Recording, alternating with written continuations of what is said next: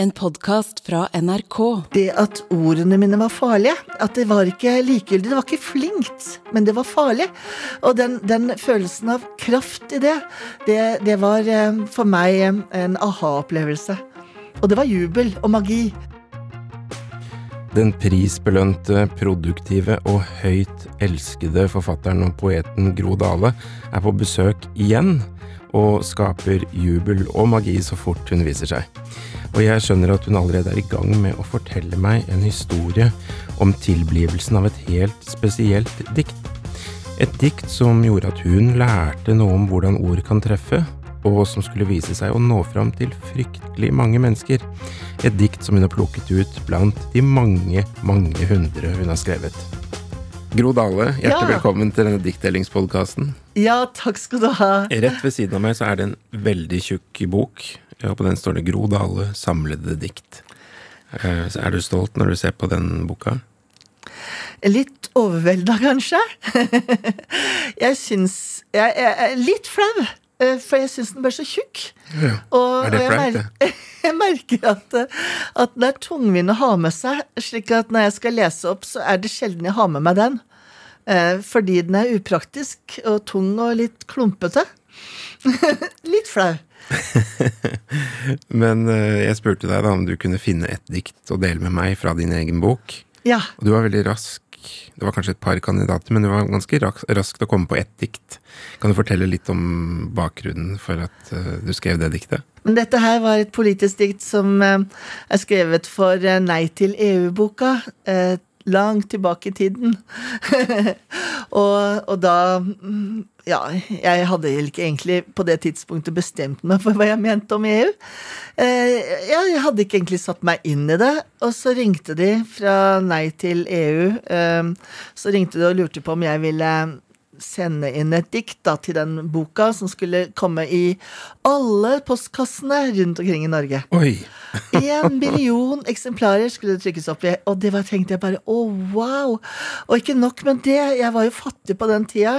Eller fattig og fattig, var, det var lite penger. Og så skulle jeg få 10 000 kroner for ti linjer. Altså 1000 kroner linja. Det var bare helt fantastisk. Så jeg måtte forte meg å finne ut hva i all verden var EU. Og hva i all verden skulle jeg mene om EU. Og jeg måtte jo mene noe negativt om EU, i og med at ja, dette her skulle liksom være et nei til EU-dikt. Så Så, resultatet var gitt, eller? ja, det var det. Slik at jeg egentlig ble overbevist av oppgaven.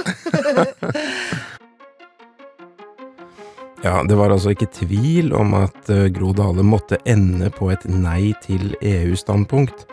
Og rask hoderegning forteller meg at det har gått snart 30 år siden nordmenn diskuterte dette spørsmålet så busta føyk.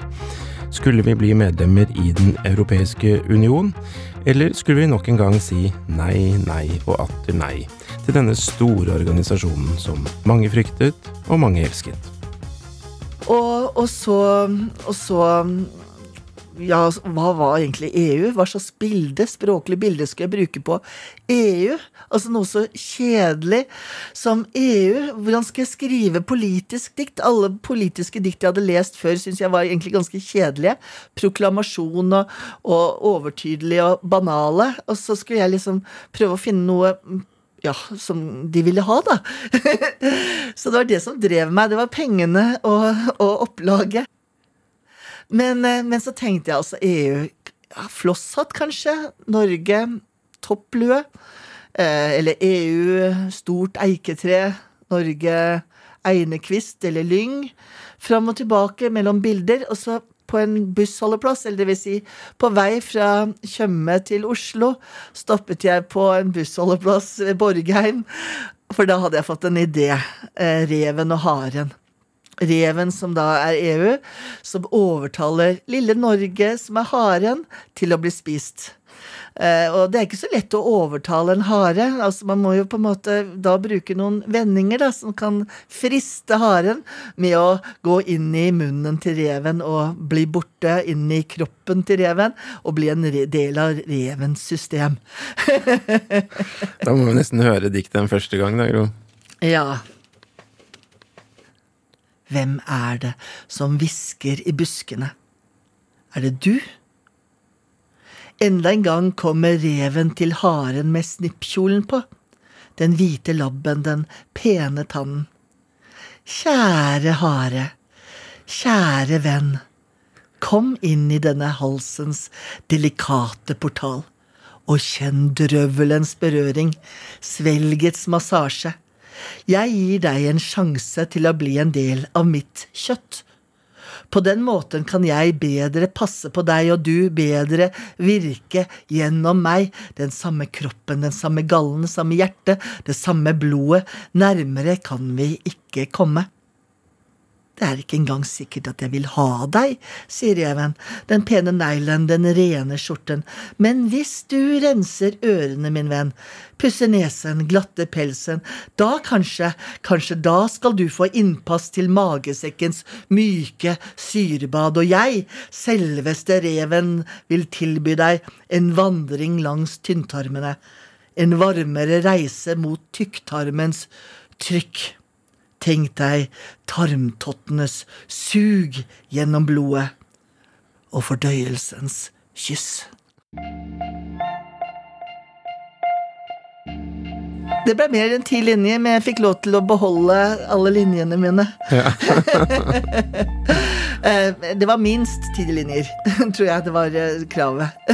Og hvordan påvirket dette diktet EU-avstemningene?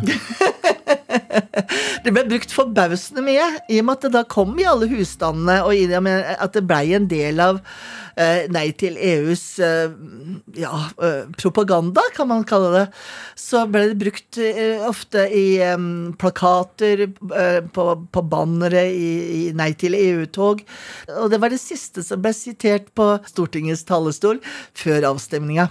Og det ble, også, også oversatt til tysk og nederlandsk og italiensk, og eh, havnet i forskjellige aviser nedover i Europa som eh, et eksempel på Norges merkelige EU-valgkamp. det var jo på en måte ikke veldig tydelig, tydelig eh, agenda, på en måte. ja, det ble jo veldig, som vi vet, så endte det jo med nei, og, men det var veldig jevnt. Det var veldig jevnt, så jeg pleier å si når jeg leser det opp, at, det at dette her er grunnen til at Norge er nei til EU. det er det ikke, selvfølgelig.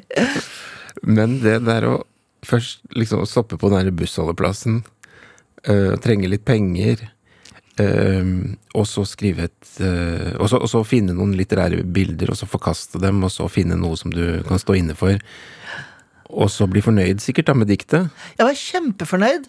Jeg hadde funnet det, eh, på en måte. Eh, altså, jeg, jeg, jeg, var ikke fornøyd med den flosshatten, jeg var ikke fornøyd med det eiketreet, men jeg var veldig fornøyd med reven og haren. Det var innenfor mitt eh, poetiske univers, så jeg kunne stå for det. For jeg hadde ikke lyst til å levere noe jeg ikke kunne stå for heller. Jeg hadde ikke lyst til at det skulle bli overtydelig, jeg hadde lyst til at det skulle bli noe som jeg kunne eh, kjenne at det var mitt også, da. ikke bare, ikke bare uh, salgsvare. uh, så at uh, det der med, med reven som, som, overtaler haren til å bli spist, det er derfor jeg stoppa på den ja, den, den buss, buss, bussholdeplassen. Fordi at jeg, jeg, kjente at det var Der var det noe. Det var en absurditet i det. Som jeg da også opplevde etter å ha satt meg inn i hva EU var. at det var egentlig ganske absurd hvis Norge skulle gå inn i EU. og så den der, den der liksom, den driver og frister den der reven, men sier samtidig sånn det er ikke sikkert at jeg vil ha deg. Ja, for Norge måtte tilpasse seg hvis vi skulle gått inn i EU i forhold til alle våre sære eh, regler og, og krav. Men et dikt du kunne stå inne for deg, men hvordan var det da likevel å se at det fikk det der gjennomslaget, liksom? At det var, var, det fint, eller var det litt skremmende? Eller var det var det... kjempegøy! Okay, ja. ja, og, og det å merke at, at, at dikt har um, samfunnskraft. At dikt har gjennomslagsmulighet. At dikt kan brukes uh, utover ren litteratur, uh, utover rene språklige bilder, men at det kan, kan gjøre noe, ha en betydning. Uh, og den muligheten til å, at at ord er farlige. Eh, jeg merka det en gang når jeg var um, ungdom. Da var jeg anarkist.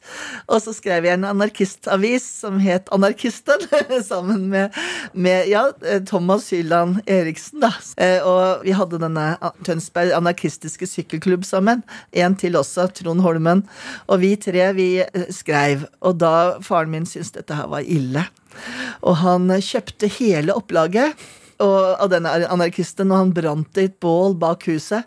Og det kjente jeg også den jubelen. Jeg syns det var fantastisk å ha skrevet noe som var farlig.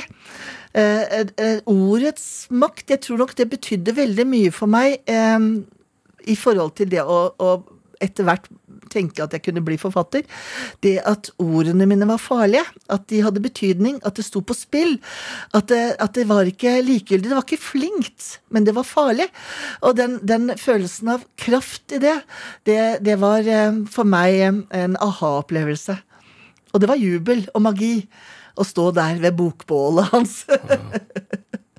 det er helt uh fascinerende å tenke på. ja, og, det, og ord har, har, mulighet i seg, og det syns jeg er veldig flott. at det fins Altså, klarer vi å finne gode bilder på, på ja, f.eks. miljøproblematikk, klimakrise. Kan vi finne gode språklige bilder? Kan vi kanskje få folk til å forstå? Det er en annen måte å forstå på som, som vi kan kanskje klare å ja, å vekke, eh, vekke både interesse og, og innsikt. Så jeg, jeg, tror på språket, og språkets mulighet, da. Men hvordan, leser, hvordan, opplever du dette diktet nå? Føler du at det har brodd når du leser det nå? At det har noe å si oss nå? Ja, eh, og jeg vil tenke at det handler om eh, det kan handle om andre ting òg. Det bør ikke handle om EU. Det kan handle om ekteskapet. Eller det kan handle om skolen at skolen som spiser opp elevene sine, eller, at, eller, eller banken. så, det, så, det, er overførbart, da. Kan, denne underteksten kan vi putte inn eh, det vi er interessert i. Ja, Tusen takk for at eh, du kom, Gro Grodale. Nå føler jeg meg jo godt kvalifisert da, til å lese dette diktet ditt eh, om EU, som kanskje ble utslagsgivende da det endte på nei-standpunkt til Den europeiske union i 1994. Det er i hvert fall et presist dikt du har skrevet da, som heter Hvem er det som hvisker i buskene, er det du? Enda en gang kommer reven til haren, med snippkjolen på den hvite labben, den pene tannen. Kjære hare, eh, kjære venn, kom inn i denne halsens delikate portal og kjenn drøvelens berøring, svelgets massasje, jeg gir deg en sjanse til å bli del av mitt kjøtt. På den måten kan jeg bedre passe på deg, og du bedre virke gjennom meg, den samme kroppen, den samme gallen, nærmere kan vi ikke komme. Det er ikke engang sikkert at jeg vil ha deg, sier reven. Den pene neglen, den rene skjorten, men hvis du renser ørene, min venn, pusser nesen, glatter pelsen, da kanskje, kanskje da kan du få innpass til magesekkens myke syrebad, og jeg, selveste reven, vil tilby deg en vandring langs tynntarmen, en varmere reise mot tykktarmens trykk, tenk deg, tottenes sug gjennom blodet fordøyelsens kyss. Del gjerne denne episoden videre med en venn, og det gjør du meget enkelt inni appen NRK Radio. Der kan du også trykke stjerne, og dermed følge oss, og aldri gå glipp av muligheten til å finne et nytt favorittdikt. Brenner deler dikt er laget av meg, Hans Olav Brenner, Kristine Låsjus Torin og Janne Kjellberg. Redaksjonssjef er Helle Vågeland En podkast fra NRK. Hei, det er meg, Are Sende Osen. Han som er så glad i historien om de norske kongene, du vet. Nå kommer fjerde og siste sesong av podkasten Kongerekka. Og det er jo sånn, vi lever i en flyktig tid, og det er så vanskelig å få fullført ting. Men nå har du sjansen. Nå kan du høre deg gjennom alle de norske kongene Ifra Harald Hårfagre samla Norge til et rike pga. ei dame, og fram til den kongen vi har i dag. Da kan du klappe deg sjøl på brystet, eller på skuldra, eller du kan klappe kompisen din på skuldra, og så kan du si 'Jeg har fullført noe. Jeg har hørt meg gjennom hele kongerekka'. Hør podkasten 'Kongerekka' i appen NRK Radio.